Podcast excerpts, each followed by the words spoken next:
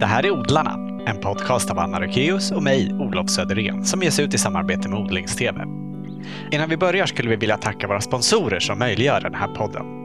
Den här gången är det jordnära tunnelväxthus. Förutom just tunnelväxthus så har de också smarta bevattningssystem, växtbelysning och en hel del annat. Gå in på tunnelväxthus.se så hittar du alltihop där. Vi sponsras också av Grönyte Konsult AB som saluför japanska verktyg av högsta kvalitet, till exempel silkesågar. Hela deras utbud finns att beställa från gronytekonsult.se. Tack så mycket! Vi skulle också vilja passa på att berätta lite mer om den bok som jag och Anna skrivit som kom ut för ett par veckor sedan. Den heter precis som vår blogg Spenat i stan med undertiteln Odling och självhushåll för lägenhetsbor. Den har vi skrivit med lite extra tanke på er som, liksom vi, inte har någon egen trädgård. Men vi tror att mycket av innehållet kan vara intressant även för den som inte bor i lägenhet, för själva odlingen skiljer sig egentligen inte så mycket åt.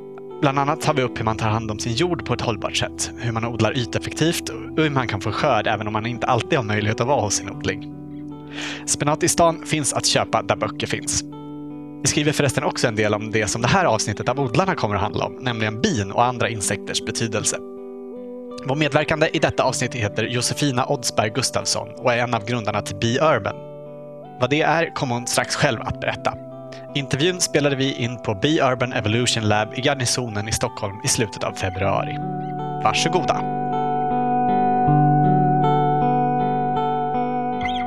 Vill du börja med att berätta vad Be Urban är för någonting? Be Urban är ett företag som jobbar med eh, urbana ekosystemtjänster, urban naturvård. Och vi jobbar med att återknyta banden mellan eh, den urbana invånaren, alltså människor, och naturen. Mm. Och det gör vi på lite olika sätt. Dels med bikupor eller eh, trädgårdar för biologisk mångfald i stadsmiljö. Och vi jobbar mycket med utbildning. Och nu har vi startat ett projekt som heter Björben Evolution Lab där vi kommer att utgå ifrån och ha utbildningar och, och, och visa massa roliga saker. Mm. Du ska få berätta mer både om eh, verksamheten och om Björben Evolution Lab. Men eh, hur kom det sig att ni startade det här? Det var min kompis Carolina och jag som eh, pluggade biologi tillsammans. Och så fick vi gå en guidad tur Nationalstadsparken här i Stockholm. Det är det enda urbana reservatet som finns här i Nordeuropa. Och då sa guiden att det fattades pollinatörer i parken helt enkelt. Och då så tänkte vi, bra, då kan vi fixa det. helt, helt ödmjukt. Mm. Och, eh, då så frågade, och så tänkte vi så här, vilka pollinatörer är enklast att ta hand om eh, och introducera. Och då tänkte vi tambin ju.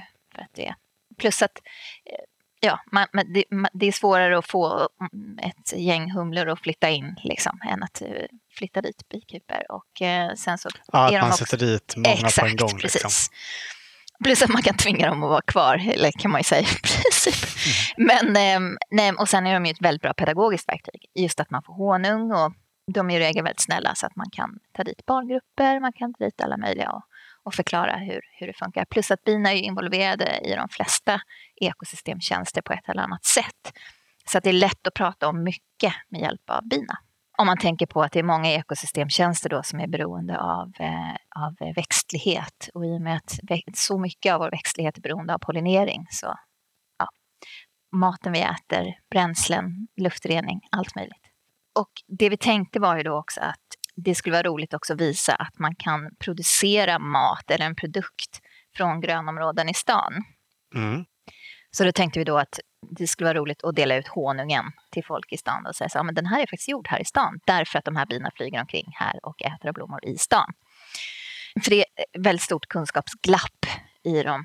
Det blir, det, det, blir så naturligt för att vi är så många som bor i städer och inte upplever naturen som man gjorde förr. Så det var därför faktiskt att utbildning och tillföra pollinatörer i parken. När var det som ni satte igång med det här?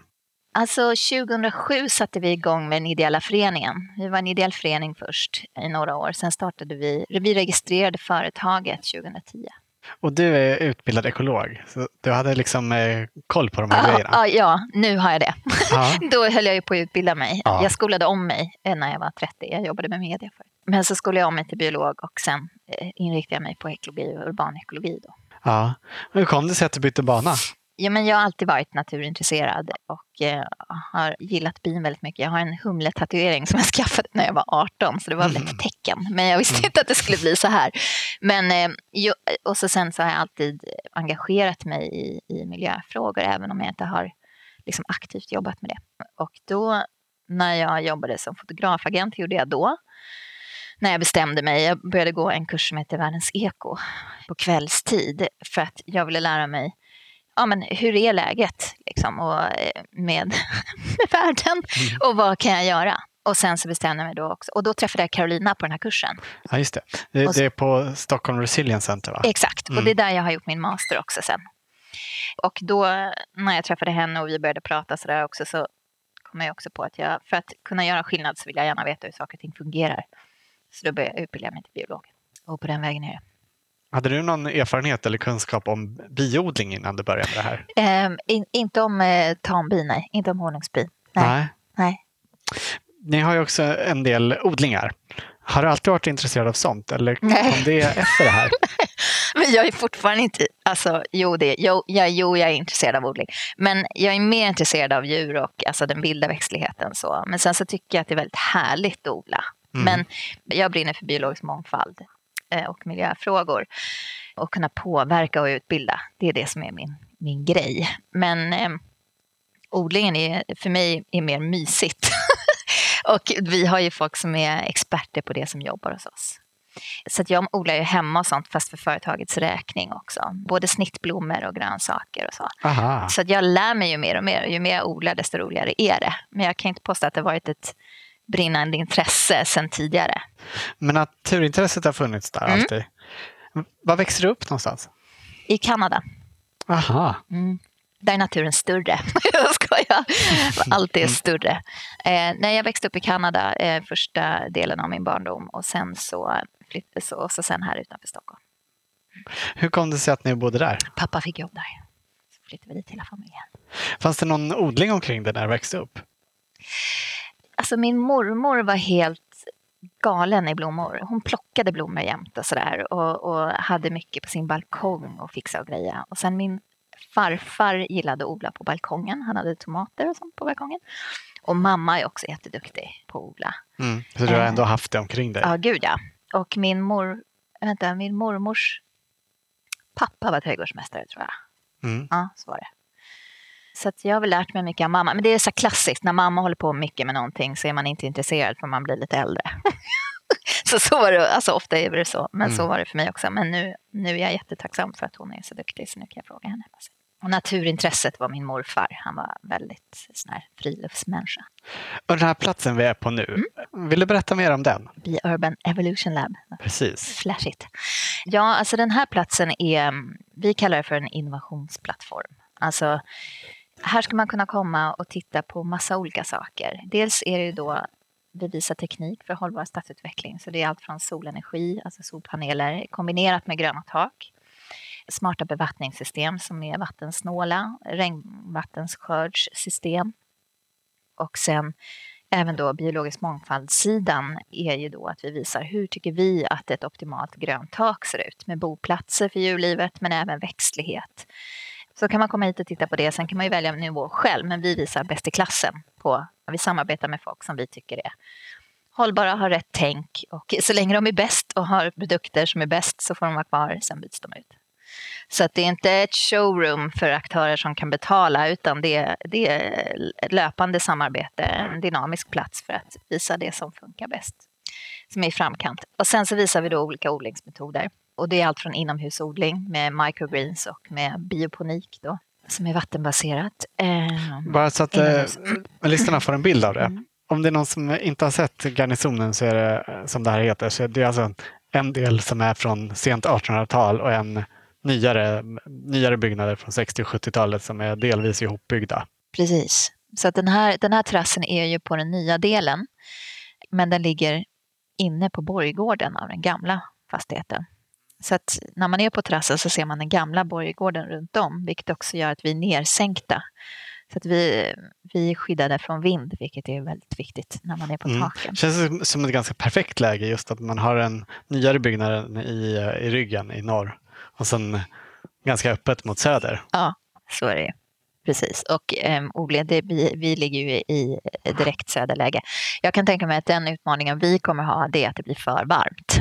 Så att, till exempel i växthuset. Så där kommer man ju få jobba lite med, med skugga och sådär. Men däremot kommer vi förmodligen ha en ganska lång säsong, vilket är kul.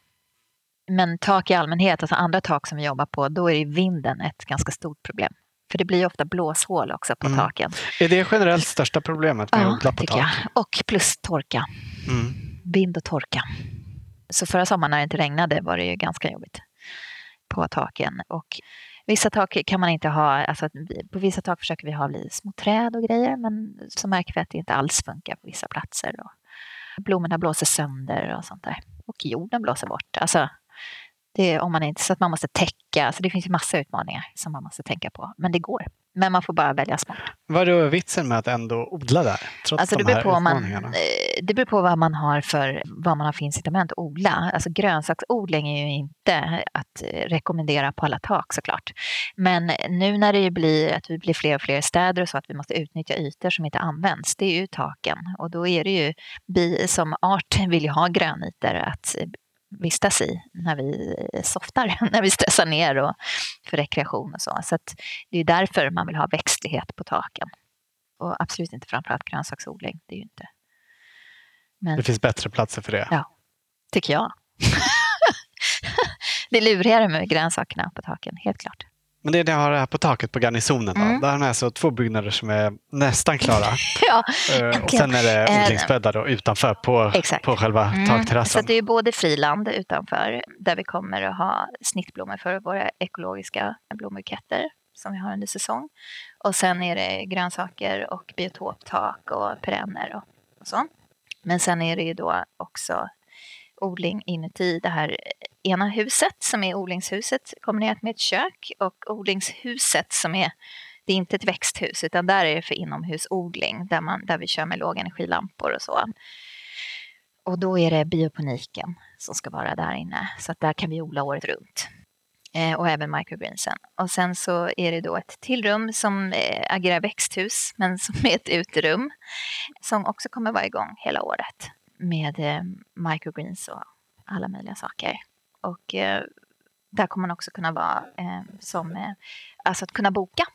Antingen för seminarier eller möten eller konferenser. Eller, och vi kommer också ha, bedriva egna utbildningar. Det låter som att det kommer bli en himla frågorna. spännande plats. Jag tror det. Plus att, vi, att den kommer vara, alltså är man helt ointresserad av allt vi håller på med så kan man fortfarande vara här och tycka att det är schysst att sitta där ute. Så att, och vi kommer ha konst och teater för barn. Vi kommer ha, alltså det, det vi tänker är också att vi, platsen får liksom växa fram. Vi vet ju vad vi har för vision, men sen så får man ju se vad folk vill ha och sen får den förändras under tiden. Och det som behövs. Det är samma sak med vår verksamhet, att det var mest bin i början, men nu pratar folk mycket om bin och då är det viktigare att lyfta de vilda bina. Eller, alltså att man får hela tiden uppgradera sig efter hur liksom, diskursen går i samhället och hänga med. Så det gäller ju också för den här platsen, så att vi får se. Liksom. Ni har en äng här på taket också. Mm. Ja, vi, vi kallar den för biotopängen och det är en, en ett exempel på hur man kan anlägga ett grönt tak som vi tycker är det bästa. Och då det bästa har, gröna taket? Ja, precis. För att gynna biologisk mångfald plus att det är väldigt vackert. Och då har vi en samarbetspartner eh, som har en väldigt artrik ängsmatta. Plus att vi då har extra substrat under den så att vi har i alla fall ett jorddjup på ungefär 10 centimeter så att vi kan få ner örter med lite grövre rotsystem. Mm, det, det, är inte den här jättetunna mattan nej, sedum som man, nej, nej. som man ser ibland utan det nej. Rent sedum gör inte mycket för biologisk mångfald nej. utan det är ju eh, primärt för dagvattenhantering. Utan har man lite djupare substrat så kan man ha en, en mycket större rikedom på, på växter plus att man kan ha en del perenner i den. Alltså perenner är, är det ju från början men alltså ett, en, en bredare mångfald av perenner. Så att vi har ju till och med lavendel och lite allt möjligt mojs i vårt tak. Plus att vi kan köra ner vårlökar, alltså de mindre lökarna i alla fall. Och då Aha. förlänger du ju också säsongen på, på denna nektar. Vad gör den här ängen för mångfalden? Den, är ju, den erbjuder då mat under hela säsongen och sen så slår man den bara på hösten som man gör med vanlig äng. Ja. Och sen så eh, kompletterar vi också det med boplatser så att vi gör en liten bibädd för sand och jordlevande bin. Och ett litet insektshotell, vi har lite död ved för skalbaggarna. Och sen i och med att vi visar på ett helt tak då så, brukar vi också, så har vi också satt, eh, satt upp holkar för tornseglar och sånt i närheten och mesar så att, man, man också kan, så att vi visar vad man kan ha på taket. Så att vi tar hela greppet, alltså vad det gäller biologisk mångfald och en liten vatteninstallation. Och sen så eh, eh kombinerar vi det med sittplatser för människor. Så att det blir både en rekreativ yta, en yta för biologisk mångfald och estetiskt också. Mm. När man eh, slår en vanlig så brukar man ta bort höet, eller, alltså det man slår för att det ska bli näringsfattigt som ängsväxterna vill ha det. Kan man göra det om man har så lite jord eller blir det för näringsfattigt då? Det, det beror lite på vad man har satt. Eh, vi har ju låtit vårt ligga kvar. Men det är också, det är också någonting som är, ja vi får se. Mm. som det är med det mesta. Det är ju ingen som är expert på det. Nej. Faktiskt. Eh, vad de säger. Eh, och det kräver en del underhåll med de här gröna taken också. Mycket marknadsförs ju som underhållsfritt, men det är det ju inte. Nej. Utan eh, ibland behöver man vattna när det är väldigt torrt. Och ibland behöver man förbättra och alla gröna tak blir fula med åren om man inte underhåller dem. Man måste kolla så att inte gräset tar över till exempel. Gräset konkurrerar ju väldigt bra på tak också i sådana miljöer. Eftersom det är torktåligt och eh, ja, tål vind. Tål, alltså, ni fattar. Hur kom det sig att ni skapade det här labbet just här? För att eh, Vasakronan som äger den här fastigheten är en av våra största kunder och som vi har en väldigt trevlig relation till. Och då när vi, jag har velat ha den här takytan i sex år nu kanske, en sån här plats. Mm. Och, eh, då inte, just den, nej, inte just här, utan en ville ha en, Och då tak. frågade vi dem ifall de hade något. Och det hade de. Så då upplät de den här terrassen till det här projektet. Vilket är helt fantastiskt. Ja. Så att vi är så glada för det. Och så, så det var egentligen... Och, ja. och sen var det bara att bara sätta igång vi. och bygga. Men ja, eh, nej, ja, bäddarna har, vi, har ju varit här eh, nu i alla fall i två år. Men eh, byggnaderna blir precis klara. Ja. Och där är den begränsande faktorn tätskikt och bärighet. Ja, att det är uppe på ett annat hus helt enkelt. Exakt. Precis, och det är ju det man, man eh, får tänka på varje gång man ska göra en sån här typ av installation. Eh, även om man bara ska göra ett grönt tak så är det ju det man måste tänka på. Mm. Hur mycket vikt tål taket och hur jag vet att det inte läcker. Att det inte ja, gör påverkan på, på taket. Så att det är därför vi också kommer in som konsulter vid nybyggnationer och sånt. Där vi säger ja, men det, det här eh, borde ni anlägga eh, om ni vill ha ett väldigt bra grönt tak. Och då är det de här vikterna och det här ni behöver tänka på. Och sen så kör ju de ingenjörsbiten såklart. Men eh, så att man inte så har jättestora ambitioner och sen så landar man i att man bara har ett sedumtak i alla fall för att det var vad taket tålde. Det är så tråkigt. Så, så vi där inne och pillar i början när de frågar oss. Mm. Sen vet jag att vi har lite knepigt att få till allt för, mm. för att det här är en speciell eh, byggnad. Ja, precis. Den är K-märkt. Så att, eh, vi har ju då ett utrum eh, som fungerar som växthus och ett tillhus. Och utrummet skulle ju vara ett växthus. Men eh, taket får inte luta mer än 6 grader och det blir lite problematiskt när man har ett hus i glas. Så då blev det ett utrum. Mm. Så att alla taken är platta. Och det har ju varit en ganska intressant bygglovsprocess också då i och med det förstås rätt ja. omständig. Ja. Eh, men nu är vi äntligen framme, peppar peppar. Alltså i och med att vi vill visa, i och med att vi vill visa eh, teknik och sånt, att vi vill visa solceller, att vi vill ha ett grönt tak på det här. Eh, det, det, är många bitar då, som ska passa ja, ihop. Liksom. herregud ja. Mm. När ska det vara helt klart? Alltså vi inviger i maj. Så då ska alla bitar vara på plats. Spännande. Mm. Ja, det ser ut som det kommer bli jättefint. Ja, vad roligt. Men det börjar alltså med de här bina i nationalstadsparken. Mm. Och nu är ni här. Men eh, ni har byggt upp en massa annan verksamhet däremellan. Eller alltså, mm. det, mm. det, här är inte det enda. Nej. Be Nej. Berätta om vad ni gör i övrigt. Eh, alltså, eh, Björben har ju egentligen kan man säga tre ben, eller fyra ben. Först är det bikuporna, sen är det trädgårdar för biologisk mångfald. Och de kan ju se ut på massa olika sätt. Vi har gjort till exempel taket på Mall of Scandinavia och då är det en äng, bikuper och pollen och nektarrika växter. Men än så länge är det inte så många som rör sig där. Men, men, eh, alltså människor. men sen så gör vi också Hötorgsterrassen och där är ju proppat med folk och food trucks och grejer och där har vi liksom planterat ätbara grönsaker kombinerat med pollen och nektarrika växter och lite insektshotell och sådana saker. Så det är väldigt olika eh, miljöer. Mm. Och sen så är det vissa innergårdar och så som, som bara är tillträdda av företagen och så. Men det vi alltid gör det är att vi odlar för biologisk mångfald. Det finns alltid en sån... De växter vi sätter har alltid pollen och nektar helt mm. enkelt. Mm. För att det ska finnas mat till djuren, till pollinatörerna. Men sen så ska det ju vara fint också. Såklart. Så att, eh, det, vi har flera olika eh, glasögon där. Och sen så då är det ju väldigt roligt om man också kan få in ett pedagogiskt perspektiv. Så att man har en liten skylt där man beskriver var, varför det ser ut som det gör och, och så. Och vi jobbar med staden och har eh, promenadslingor för barn till exempel. Vi har en i Rålis och vi hade en pop-up på Vallallavägen i somras. Så att det är inriktat på barn som kan gå runt på olika stationer och lära sig om djur och växter och så. Och sen är det utbildningen. Så det är både föreläsningar, kurser.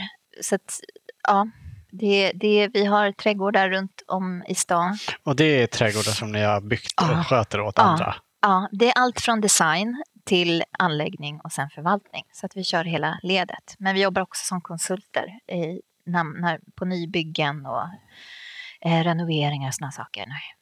Och gör inventeringar också på vad finns det i området? Vad finns det för, för djur? Vad är det för växter? Vad kan behövas här? Vad vore lämpligt att till, lägga till och så? Så då gör vi det också. Och bikuporna som du nämnde som ni har idag, mm. de är också placerade på alla möjliga ja, olika ställen? Precis. Så de står ju hos fastighetsägarna, så de som, eller på, ja, där hyr, om det är hyresgäster som är faddrar till kuporna så står de ju på deras fastighet. Men är, är det liksom eh, ni som tar hand om och sköter de här bina? Det, eller det är inte så att eh, mm. ni kommer och mm. ställer dit dem och sen så får de ta hand om dem? Nej, absolut inte. Ni lånar helt enkelt eh, deras platser? Jag blir nervös när jag hör det. Nej, ja. utan nej, vi sköter om dem. Ja, och säkert många med mig tycker, att, tycker det är lite lockande och spännande med bin, men tycker att det verkar ja. lite svårt. Nej, men svårt är det ju inte. Alltså, jag, jag skulle säga så här, alltså man, alla kan ju lära sig att bli biodlare, men det är en ganska intuitiv sysselsättning också. Alltså att man behöver vara lite nervarvad och, och liksom känna efter, för det är insekter. Alltså, det går inte att lära, men så här ska de bete sig nu, eller så här ska de bete sig nu. Man kan läsa sig till mycket, men sen måste man också lära känna dem. Alltså så att man, man kan komma till en kupa och bara, mm, nej det luktar inte helt bra här, varför är de så oroliga? Eller du vet, sådär. Det, det är inte någonting man läser sig till. Utan, och är man för stressad som person eller sådär, då funkar inte det. Och då känner bina det också. Så det är lite sådär, det, det, är också en ganska bra sysselsättning att göra om man kanske behöver varva ner. För att man kan inte stressa helt mm. enkelt. Men kan man... Fattar du? ja, ja, men jag, jag, förstår.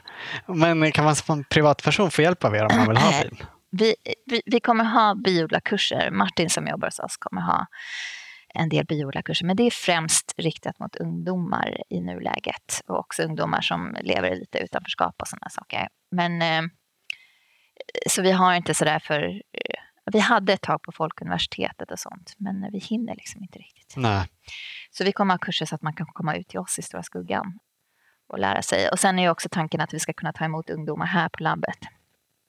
Och då kan vi ha såna workshops eller eh, biodlarkurser här. Däremot kan man höra av sig till oss, vilket folk gör. Och så kan vi lotsa folk rätt och, och tipsa om alltså att gå med i olika föreningar och sådana saker. Mm. Och om man bara har frågor. Det, det får, under högsäsong är det många som ringer och frågar vad är det för bla bla bla och sådär. Vilket är väldigt roligt. Allt från så här, varför har jag en stor geting på vinden till så här, vilka är det som bor i min stenmur? Eh, skickar en massa roliga bilder och sånt. Så det är väldigt kul. Mm. Men visst kan man höra av sig. Hur, hur, hur, krävande är det egentligen att sköta en bikupa? Alltså, det beror på hur man sköter den. Vi odlar ju bina giftfritt så att vi gör ju ganska många manuella manövrar då var tionde dag under högsäsongen. Så att, för att kolla att allt Det är liksom lite grejer man gör helt mm. enkelt för att slippa eh, använda gifter och så. Men eh, Alltså det kräver en hel del ändå. Jag tror folk som säger att det inte gör det, då vet jag inte riktigt hur de gör. För att man behöver ju liksom vara närvarande under säsongen. Man måste ha koll på om de vill svärma eller om det blir för mycket bin i kupan eller om de trivs eller om det är några störningar eller om det är... Alltså det är en hel del att ta hand om. Plus att man då måste bekämpa det här varroakvalstret som är jättejobbigt jobbigt. Så om man känner sig tveksam till om man hinner, göra, hinner så gör man kanske inte det. Då kanske det är bättre att man är med i något eh, bikooperativ alltså, eller något. Ja, men alltså, det skulle jag rekommendera att börja med. Alltså att börja med att vara ett gäng som går ihop. Alltså som ja. vi gjorde då i, i Stora Skuggan. Där hade vi kanske 15 pers i alla fall som var med och, och i alla fall lärde sig, även om det inte var alla som tog hand om bina, men så, som var med. Eller gå med i en förening. Sveriges biodlares riksförbund har ju massa lokala föreningar. Om man går med i en sån och så lär man sig lite och då brukar de ha föreningskupor. Och då kan man vara med och ta hand om dem först och sen se hur man... För att jag menar, när man väl, om man är i närheten, om man inte så här åker till landet hela sommaren, då har man ju lite problem om man har kupan hemma. Men, men eh, alltså det är, inte, det är inte jobbigt, är det ju inte. Nej. Det är det verkligen inte. Men, men det är ett ansvar. Mm. Absolut. Du sa ju att det fanns för få pollinatörer i nationalstadsparken och det gör ju det på många ställen. Vill du berätta om varför bina har det så svårt? Ja, alltså dels är det ju det beror på om man pratar stadslandskap eller jordbrukslandskap. Eh, I jordbrukslandskapet är det ju för att man odlar, i alla fall i Sverige så är det ju på slätten, alltså söderut, som det är eh, eh, stora arealer åkrar och väldigt lite mat mellan åkrarna. Så när skörden har blommat så finns det inte så mycket att äta. Och eh, sen är det också jordbruksgifter som påverkar dem. Plus att ja, det beror också på om man pratar om tama eller vilda bin. Alltså de här två första är för båda, men sen har vi varroakvalstret på honungsbina. Drabbar det, honungs... drabbar det inte vilda bin? Varroa är inte på vilda bin, nej. nej. Men egentligen när man pratar om, om eh, binas situation så ska man egentligen prata om de vilda. För att där, är det liksom, där ser man ju verkligen att antalet går ner. Det är närmare 40 procent som är rödlistade idag. Plus klimatförändringar, det blir för varmt för vissa humlor faktiskt. Och eh, det är ju ett, ett verkligt problem, särskilt i södra Europa nu. Har man märkt, för de hinner ju inte anpassa sig. Det går för fort. Så att de vilda bina behöver verkligen vår hjälp nu och, de, och honungsbina är, är, är, ett bra komplement till de vilda bina men det är ingenting som kan ersätta de vilda bina. Plus att man har väldigt sårbara system om man förlitar sig på en art, vilket man gör då i USA. Till väldigt stor del, där har man ju utrotat, i vissa stater så har de utrotat typ 98 procent av sina humlor och sina vilda bin. Så där förlitar de sig bara på honungsbin så om någonting skulle drabba dem, då skulle det ju bli enorma problem. Mm. Det behövs också, för att ekosystemen ska fungera, flera olika typer av pollinatörer. Ja. Alltså, så här, vissa pollinerare, vissa humlearter och sånt, de är ju specialiserade på en viss växt. Så att då har ju de en växt som de pollinerar. Så att om de försvinner så blir ju den växten drabbad och vice versa. Om den växten försvinner så blir den arten hårt drabbad. Men eh, Sen är det också så att det är viktigt att ha mång, en, alltså många arter som utför samma tjänst i ett ekosystem. Alltså om man tänker på pollinerare så är det ju superviktigt att det finns många som gör det därför att om en art blir drabbad av någonting eller lider svårare av klimatförändringar eller sjukdomar, patogener eh, så finns en annan art som kan hoppa in. Så att man pratar om funktionalitet i ett ekosystem. Alltså att man har en robusthet i ekosystemet som gör att andra arter kan hoppa in. Och så gäller det för alla funktioner. Och det är inte bara bin som pollinerar, men det är de som är effektivast. Men det är flugor, alltså blomflugor och fjärilar och myror och fåglar i sydligare länder och sånt också. Fladdermöss. Mm. Mm. Om man vill göra någonting själv för de vilda bina, vad ska man göra då? Alltså det beror ju på lite hur man har det. Alltså om man har eh, odlingsmöjligheter och om det så bara är en balkong eller vad det kan vara då kan man ju sätta växter som är som man vet har rikt med pollen och nektar. Så kan man ju också tänka att man har en blommande yta hela säsongen. Så att man börjar med vårlök och så, och så avslutar man med kungsmynta eller kärleksört och sånt som kommer senare. Så att det alltid finns något där, och, där att äta? Att det alltid finns något att äta, att de vet, precis. vet att det är ett pålitligt ställe. det här är ett bra hak, exakt. Mm. Eh, det ska man tänka på. Och när man tänker på pollen och nektar och så i växter så är det ju eh, man kan, alltså, orkar man inte läsa på för mycket så kan man ju tänka det som det man gillar att äta helt enkelt. Alltså bär, kryddväxter, sånt som är aromatiskt, alltså doftar mycket och sånt brukar ofta ha pollen och nektar för det är ju för att locka till sig insekter. Ja. Att man inte tänker de här som inte luktar så mycket och pangser och sånt som, alltså hybrider som bara som är framtagna för att blomma hela tiden, som inte har någon frösättning, det funkar ju inte. Nej. Många gör ju boplatser till bin. Är sånt betydelsefullt också? Ja, gud ja. Det är ju både, det är det som är begränsande faktorer, alltså mat, boplats och vatten. Det är det som är det absolut viktigaste. Och boplatserna spelar absolut roll. Men ska man tänka så här, vi vill komma upp i volym i vildbin i det här området, då ska man ju tänka kanske 30-40 installationer, alltså större installationer för att verkligen märka en, en förstärkning. Men, eh, och sen så, ja, det gäller ju också att läsa på var, vilket väderstreck det ska sitta och eh, höjd och, och sen så ska man ju också veta att bara för att man sätter upp det råder ju lite förvirring kring boplatserna har jag sett på marknaden. att de här bibatterierna, att det är humleholkar och sånt. Det alltså, de här bibatterierna med hål eller de här bambu. Eh, det är vissa arter, det är ju ett begränsat antal arter som, som flyttar in i dem. Så det är ja. inte så att alla flyttar in i dem. Alltså, det är ju tapetserarbin och sånt som gillar att, att bo i, i sådana bibatterier och de här bambuholkarna. Men det spelar också jättestor roll hur de är utformade.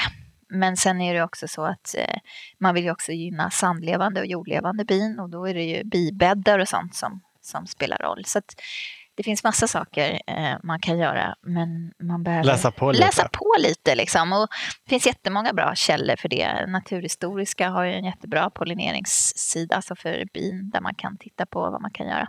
Ja, det, det, det finns rätt lättillgänglig information bara man eller så kan man fråga oss. Ja. Och så nämnde du vatten. Mm. Ja, och hur, hur, gör man för att göra om det? Alltså antingen så kan man skapa små, vid, vid våra bikupor så brukar vi sätta ut eh, skålar, ja. alltså fat med vatten med lekakul eller någonting sånt i så att de har något att sitta på. Om man har ett fågelbad till exempel så kan man fylla upp det med spelkulor eller något om man vill ha en vacker installation. kan de sitta på kulorna. De drunknar ju annars. Ja. Så de behöver så det inte bara att sitta på. blir en balja som de ramlar ner i? Exakt, utan det måste vara, de måste vara upp till ytan så att de kan sitta och slicka i sig. Mm. När ni övergick från den här ideella föreningen till att göra bikuporna till en affärsidé, hur var mottagandet då? Var det lätt att hitta platser att ställa dem på? Eh, nej, det var det inte. Eh, det var liksom före mediadrevet med hela det här Colony Collapse disorder i USA och sånt där. Det var väl, vi hade ju satt igång lite innan det. Så då visste ju folk inte alls vad vi pratade om när vi ringde. Då satt ju vi och kallringde och försökte. Någon bara, det var det sjukaste jag hört. Eh, och sådär. Så det var, det var ju liksom inte så lätt. Nej. Men sen så, ja, var det lite sådär Friends, Fools and Family eh, som stöttade oss i början så att vi fick ut ett gäng och sen så fick vi några sådana här högprofilerade kunder som gjorde att de andra kände att ja, det här verkar seriöst. Och då började det rulla på. Men det tog ju säkert i alla fall ett och ett halvt år. Men hur är det nu då? Med bikuporna, ja. tänkte du? Ja, alltså bikuporna har ju vi, vi känner ju att de eh, verkligen har gjort sitt jobb med att få upp eh, bina på agendan. Och vi ställer fortfarande ut bikuper, men vi säger ofta nej där vi inte tycker att det behövs honungsbin i ett område. För vi tittar ju väldigt noga på Även om man inte kan säga säkert, men vi arbetar utifrån försiktighetsprincipen att man inte bör ställa ut fler honungsbin om man inte vet hur konkurrenssituationen ser ut med vilda pollinatörer till exempel. Ja, kan alltså de konkurrera ut vildbina? Det ska mycket till, gissar jag, men eh, absolut, så alltså det, maten är den begränsande faktorn. Så att det där ska man tänka på. Plus att vi har ju inget intresse av att vara ensamma på marknaden med att ha bikupor i stan, utan man måste ju också lämna en buffert för andra eh, aktörer eller privatpersoner och sånt som vill ha bikupor i stan. Så att eh, det finns ju absolut en risk med att ha för många för tätt. Så att vi sätter inte ut fler i innerstan. Eh, och nu pratar jag Stockholm. Men, men däremot så sätter vi fortfarande ut i, i eh, alltså andra stadsdelar och kranskommuner. Och framförallt, men nu fokuserar vi mer på att sätta ut bikuper ännu mer där de ingår i ett pedagogiskt syfte. Alltså att det finns fler som kan ha nytta av eh, bikupan, alltså skolor och här på Urban Evolution Lab kommer vi ha två stycken också där vi kan ta emot grupper och sånt som tycker att det är kul. Så det är inte så här, vi ställer inte ut bikuper på ett eh, random tak på ett företag så för företagets räkning direkt Nej. längre i, i citykärnan. Det. Nej. Men ni har verksamhet i andra städer än Stockholm Mm, också? Precis, städer och orter. Eh, Göteborg, Malmö, Borås, Västerås, Eskilstuna och Karlstad har vi varit i också. Hur många kupor har ni idag? Med faddrar har vi drygt 70, 70-75 tror jag. Ja, det är ju många. Ja, så det är väl 40 drygt kunder Hur, i alla fall. hur många, Hur många är fler? ni som jobbar i företaget nu? Eh, Ja, eh, vi är eh, fyra heltidsanställda Ja. året runt. Och sen på högsäsong är vi kanske 20 pers. Mm. Det är också många. Mm. Har ni odlingar på andra ställen här? Alltså ni sköter ju trädgårdar åt kunder men som här ute på taket odlar ni ju grönsaker och sånt också. Ja, precis. Men det gör vi också ute hos kunder. Vi, Ja, åt dem så då de- liksom? Eh, då handlar det mer om att skapa socialt kapital, alltså att man odlar med hyresgäster och boende och sådär. Eh, vi är inte primärproducenter av grönsaker utan vi, vi använder odlingen som rekreation kan man säga Ja, och, eh, och undervisning. Så att vissa kunder tycker att det finns ett mervärde, alltså det är ju främst fastighetsägare då som gärna vill gynna sina hyresgäster och då brukar det vara aktuellt att odla grönsaker också. Och då kommer vi och är odlingscoacher och sånt där Aha. gånger i veckan och ta hand om det. Men eh, oftast är det av estetiska skäl och rekreativa ytor. Så då är det ju mer den här biologisk mångfaldsaspekten. Eh. Men sen brukar vi alltid försöka stoppa ner lite grönsaker och sånt också för att det är kul och för att det är vackert. Mm. Vi läste på er hemsida om ett smart system ni har för att cirkulera näringen. Mm. Vill du berätta om det?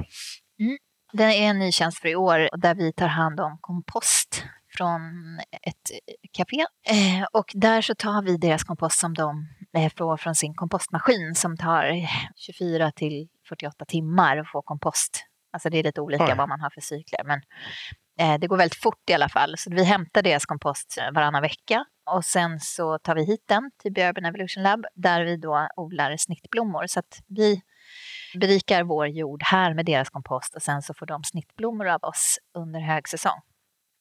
Och snittblommorna, blomprovinationen är ju också dubbelsidig. Att dels kan vi leverera jättevackra blommor utan gifter och transport, långa transporter, ohållbara transporter. För snittblomsindustrin är verkligen inte särskilt rolig. Nej, en väldigt smutsig industri där både arbetare och miljö tar Och ju skada. mer man läser desto mer uh, förvånad blir man, eller man har inte tänkt på det helt enkelt. Så därför så tänker vi också att den här tjänsten också ska vara ett sätt att nå ut med det.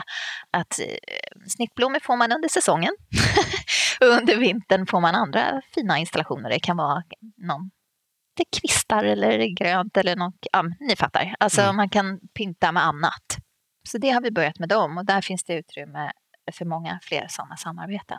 Ja, men alltså 24 till 48 timmar, det låter som en Ja, det någon- supereffektiv ja. kompostprocess. Ja, det är Vet det. du något om eh, hur det Så jag är så funkar? sjukt dålig på det. Det skulle Maria svara på för att hon är expert på det där. Men Mm. del, dels så kan man ju liksom eh, ta kompostjorden som blir, det blir liksom fluffig jord av den där komposten på så kort tid. Och de har ju ner allt möjligt i den här. Alltså biologiskt nedbrytbart naturligtvis. Men, Ja, men sen så kan man ju också då av den komposten, vilket vi har tänkt göra, så gör vi kompostteer då. I en annan process då som vi har i, eh, till bioponiken till exempel och även till våra bäddar här ute. För jorden här har ju sina begränsningar. precis, för att det kan inte vara så djup jord på ett tak. Nej, alltså när man, är, när man odlar i såna här bäddar på tak så är det ju eh, vikten som är den begränsande faktorn. Även tätskiktet förstås, men, men eh, vikten är ju jätte eh, svår. Liksom. Och, och ska, Hur, hur djup jord har ni? ja, nu, nu har vi 30-40 centimeter och det funkar ju. Men eh, den behöver vara lättare än vanlig matjord. Och då har de blandat i alltså både biokol och eh, pimpsten för att få det här substratet för att binda mikroorganismerna och sånt där. Men det är natur, naturgödslad jord, det är inget Ja. konstgödsel och sånt? Nej, och det är baserat på den ekologiska matjorden från Rödlunda. Och sen så har vi lättat upp den, eller dem. Så ingen, ingen konstgödsel. Bra. Men däremot, du får ju ingen mineraltillförsel, naturlig mineraltillförsel eftersom du är i luften. precis, så att säga. Det finns ingen lera Nej. eller sand under Nej. eller sådär? Nej, precis. Och den blir ganska flyktig. Och sen så är det ju då näringstillförseln som, som är, ja, det är rätt komplicerat. Och nu har vi kört ett år, så nu ska vi göra jordanalyser och se hur vi behöver göra löpande då. Och eh, jag tror att det kommer landa i att vi kommer behöva köra kompost-te i bäddarna helt enkelt. Ja, tillföra näring med vattnet ja, hela tiden. Ja, ja. Och sen funkar det ju inte att odla vad som helst i den.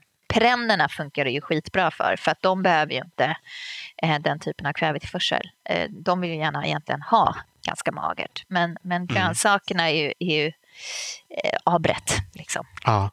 Så där kommer vi experimentera fram och se.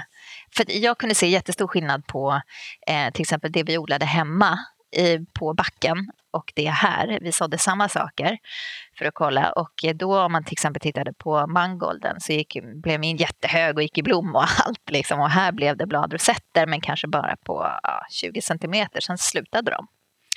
Så där finns det mycket att kolla på vad man, vad man ska ha. Men det är också väldigt intressant. Det blir ett sätt för oss också att veta ja, men vad, vad är bäst att odla i stan. Liksom? Eller ska man, ja, och det här är ju då friland. Ja. Bladgrönsaker har vi ju i bioponiken också. Vill du berätta mer om den? Ja, bioponiken är ju då att man bara tillför, det finns ju olika typer av vattenburna eh, odlingssystem. Ja, vi har tidigare, tidigare avsnitt pratat om akvaponik. Ja, precis, med, med Niklas. Ja, Niklas Wennberg Ja. och eh, Björn Olivus, Ili- Oliviusson. Ja, ja, kul. Nej, precis. Vi, så vi har ju inga fiskar. Nej, Utan det är ju akvaponiken. Sen finns det ju hydroponiken som har minerallösning, alltså konstnäring. Och sen bioponik. Och jag vet inte, vi upptäckte sen att det inte är ett begrepp, men vi trodde det. Så vi kallar det för bioponiken. det är, och det är en, ert, begrepp. Ja, exakt. Bra. Och det är när man har ekologisk näringslösning. Så då jobbar man med kompostvarianter. Vi, vi har förstått att det kan vara lite näringslösningar. knepigt Ja, med ekologisk näring. Dels för att det kan börja lukta om det blir Ja. stående Det har inte vi märkt. Ja, och dels för att det kan klibba igen Ja. slangar och sånt. ja. Nej, men visst är det så. Eh, det hur, finns hur massa... löser ni det? Nej, men vi vet inte. Alltså, vi håller på att experimentera fram. Mm. Och vi har ett samarbete med forskare på SLU som tar fram en ekologisk näringslösning som då ska fungera. Eh, och vi har testat lite själva.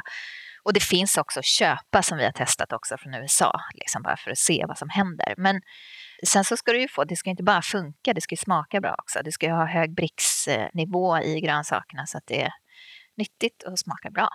För att vi vill ju inte bara, ja det här är grönsaker som vi odlar fram men de smakar ingenting. Då är det liksom inte så intressant längre. Men eh, nej, jag vet inte. Vi, alltså, det är verkligen så att vi, vi, vi Mm, testar. provar. Ja, det är någonting som, som utvecklas. Mm, För det, är, det är lite synd det där just. Det, det känns som många börjar odla, i alla fall delvis kanske för att det ska vara mer Mm. hållbart. Men sen eh, blir det kanske inte det om, om man måste använda sig av konstgödsel.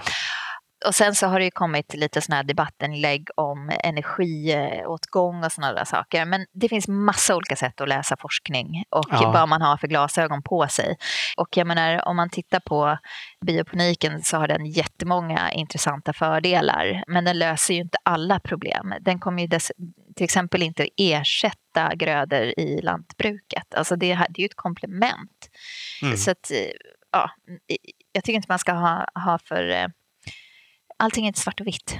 Alltså, och, och man får ha ett öppet sinne och man får titta vad som funkar och testa sig fram. Och det är det den här platsen är till för också. Att, vi, att det är tillåtet att experimentera. Mm. Det behöver inte funka perfekt på en gång. Men, man, men vi har ju en vision. Hur vi, att vi vill att det ska vara hållbart, vi vill att det ska vara miljövänligt och att folk ska eh, tycka om det helt enkelt. Och att det ska finnas en efterfrågan. Vi vet att ni har eh, ett projekt också där ni jobbar med ökad biologisk mångfald i Ja, jordbrukslandskapet. precis. Berätta. Eh, ja, det heter Blommor för bin och eh, där betalar vi lantbrukare för att odla eh, remsor med bifodergröda mellan åkrarna, så i så kallade skyddszonerna. Jaha. Och då är det en blandning av utsäde som eh, blommar under hela säsongen och som är rikt på pollen och nektar. Och sen så har vi fått eh, eh, stöd ifrån WWF bland annat och eh, Naturkompaniet för att kunna betala de här lantbrukarna. Då. Ah, Och ja. vårt incitament är att vi vill visa att det fungerar. Det behöver inte vara så komplicerat. Och Hej Jordbruksverket gör gärna ett stöd av det här så att vi sen kan släppa projektet. Mm, där det vi- borde de ju verkligen göra. Ja, och jag tror att det är på gång. Det är jag helt säker på. Så Ja. där jobbar vi mer som katalysatorer. Alltså det är mer så här, kör nu. Mm. det kan ju gå rätt långsamt annars. Mm. Eh, men så, och, det, det, och, där har vi, och det är inte lantbrukarna som inte vill, utan vi har kö alltså på att, med lantbrukare som vill vara med.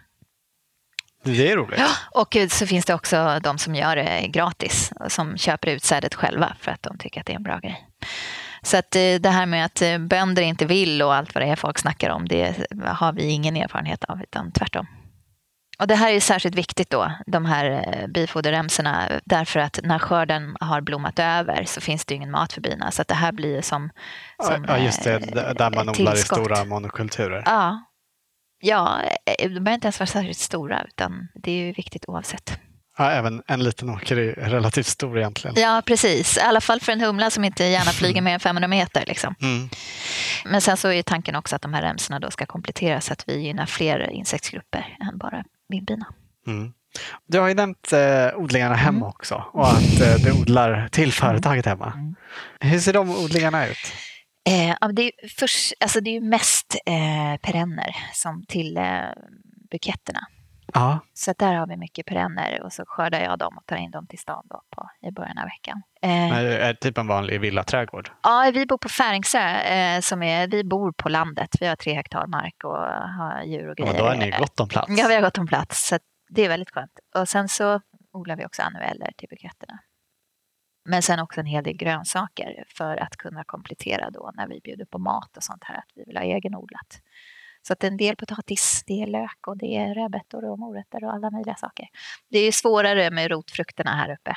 Så att det är enklare att köra, köra det hemma. Ja. Mm. På andra takjordbruk och sånt så är det ju vanligast att man kör bladgrönsaker primärt. Eh, mycket grönkål och sånt där. Ja, ja, som de då säljer. För att få ekonomi i det. Men vi kommer som sagt inte sälja grönsakerna. Nej, men ni har... Jordgubbar har vi också. Ja. Mm. Det är väldigt svårt att få tag på ekologiska jordgubbar så att vi kör egna. Mm.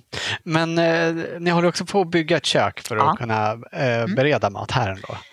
Hur tänker ni med det? Jo, men alltså det är ju eh, när vi har eh, alltså konferenser och seminarier och sådana saker, att vi ska kunna bjuda på mat. Och då vill vi gärna kunna använda råvaror ifrån våra egna odlingar. Mm. Så så säljer ja, ni skörden, precis, men inte precis, så att man kan precis. gå och köpa morötter? Nej, ibland. Vi tänker oss att vi kan, här där vi sitter så är det ju 3000 personer som arbetar. Eh, och då tänker vi också att vi kan på något sätt annonsera, jag vet inte via internmail eller någon lapp nere i lobbyn, att eh, nu har vi till exempel jättemycket, ja vad kan det vara? Eh, ja, men vi kanske har jättemycket mangold till exempel. Så nu har vi gjort en mangoldstoast som man kan komma och köpa på lunchen. Alltså att det blir mer så att vi annonserar när saker är i säsong eller när vi har något särskilt.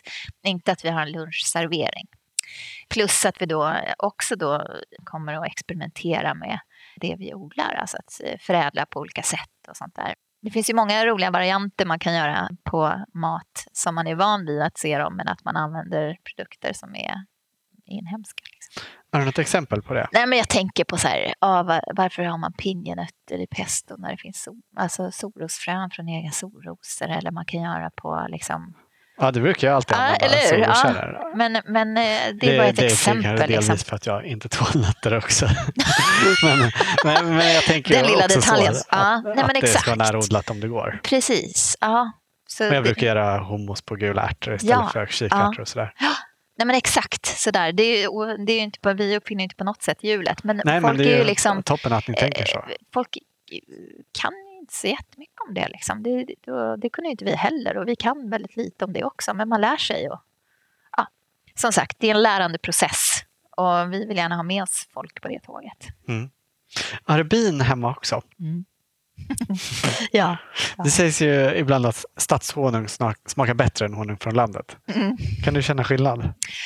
Alltså det som är roligt med stadshonungen är ju att den får ju väldigt många bottnar. Alltså det smakar ju det finns en, en väldig eh, rikedom i blomster i den eftersom det finns så olika planteringar i stan. Det är inga stora fält med samma sak. Ja, men vi har haft ganska mycket raps ute hos oss. Mm. Och då blir det en ganska enkel smak, även om den också är god. Men jag tycker nog att stadshonungen är lite mer spännande faktiskt. Det, det, tycker jag faktiskt.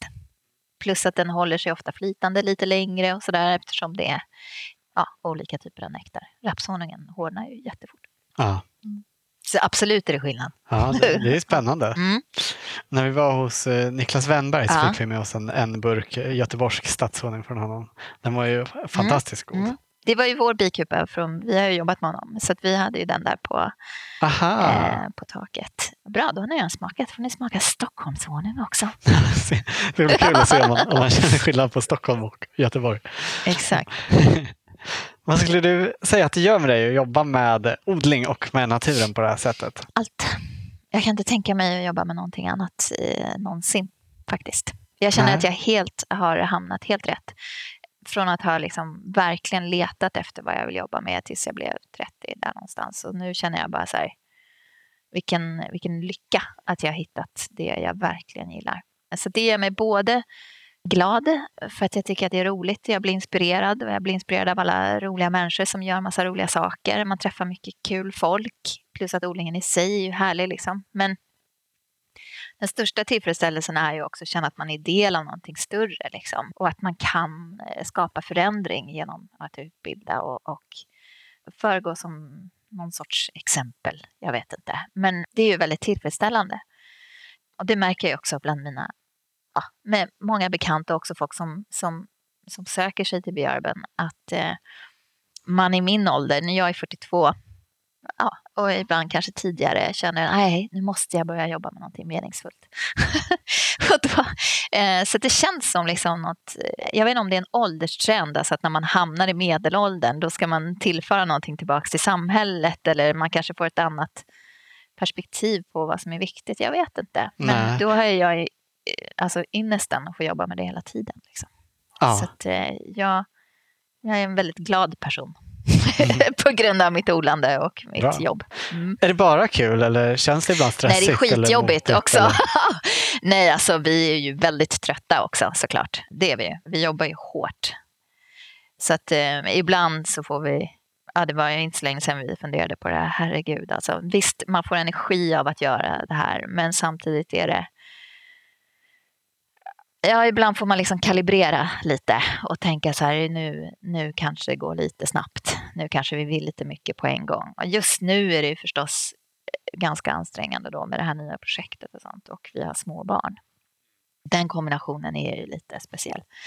Men eh, så att vi jobbar extremt hårt och vi är ganska trötta men vi är också glada. Mm. Mm. Härligt. ja, Eh, Vi Ja. kan tillägga också att eh, det, din ja man vi, är, precis, han vi jobbar är också i jag och Filip, ja, min man, ja. Vi driver ju det här tillsammans med flera väldigt bra medarbetare förstås. Men, Ja. Det är vårt företag. Är det någonting mer som du skulle vilja att vi pratar om? Eh. Ja, vad kan det vara? Var rädd om djuren. Jag skojar. Jag vet inte riktigt. Jag tycker ni har frågat mm, mycket roligt.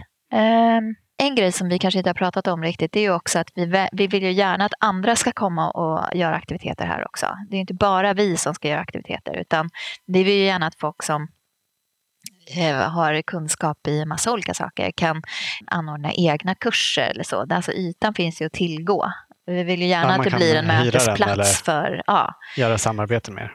Ja, eller inte. Alltså man kan komma hit och fråga ifall man får låna taket för att man vill göra en bra grej och då, då, då tycker vi att det är en bra grej, då får man Då det. får man det. Ja, och vi är öppna för alla möjliga samarbeten. Det, det, det är ju liksom en förutsättning för att sådana här saker ska fungera, tycker jag. Ja. Vi brukar alltid avsluta våra intervjuer med att våra medverkande får ge sitt bästa odlingstips. Har du något som du vill Ja. eh, dela med dig av? Odla giftfritt är mitt tips. Eh, För insekternas skull. Eh, Vill du ha mycket pollinatörer och eh, ett rikt djurliv i trädgården i dina odlingar så använd inga gifter. Bra tips tycker jag. Härligt. Du, tack så jättemycket för att du tog dig tid för att vi fick komma hit. Tack för att jag fick vara med. Väldigt roligt.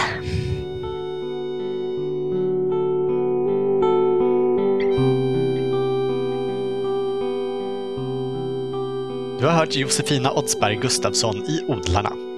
Mer info om BeUrban finns att hitta på deras hemsida beurban.se. och de finns även på Facebook, Instagram och Twitter, så följ dem gärna där.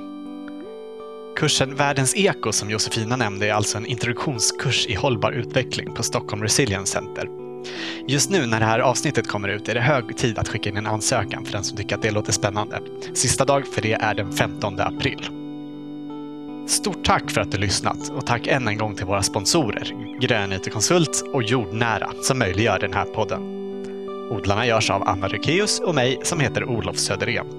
Vill du följa oss och vårt odlande så heter alltså vår blogg Spenat i stan. Precis som vårt Instagramkonto och vår nyutkomna bok. Ha det bra! Hej då!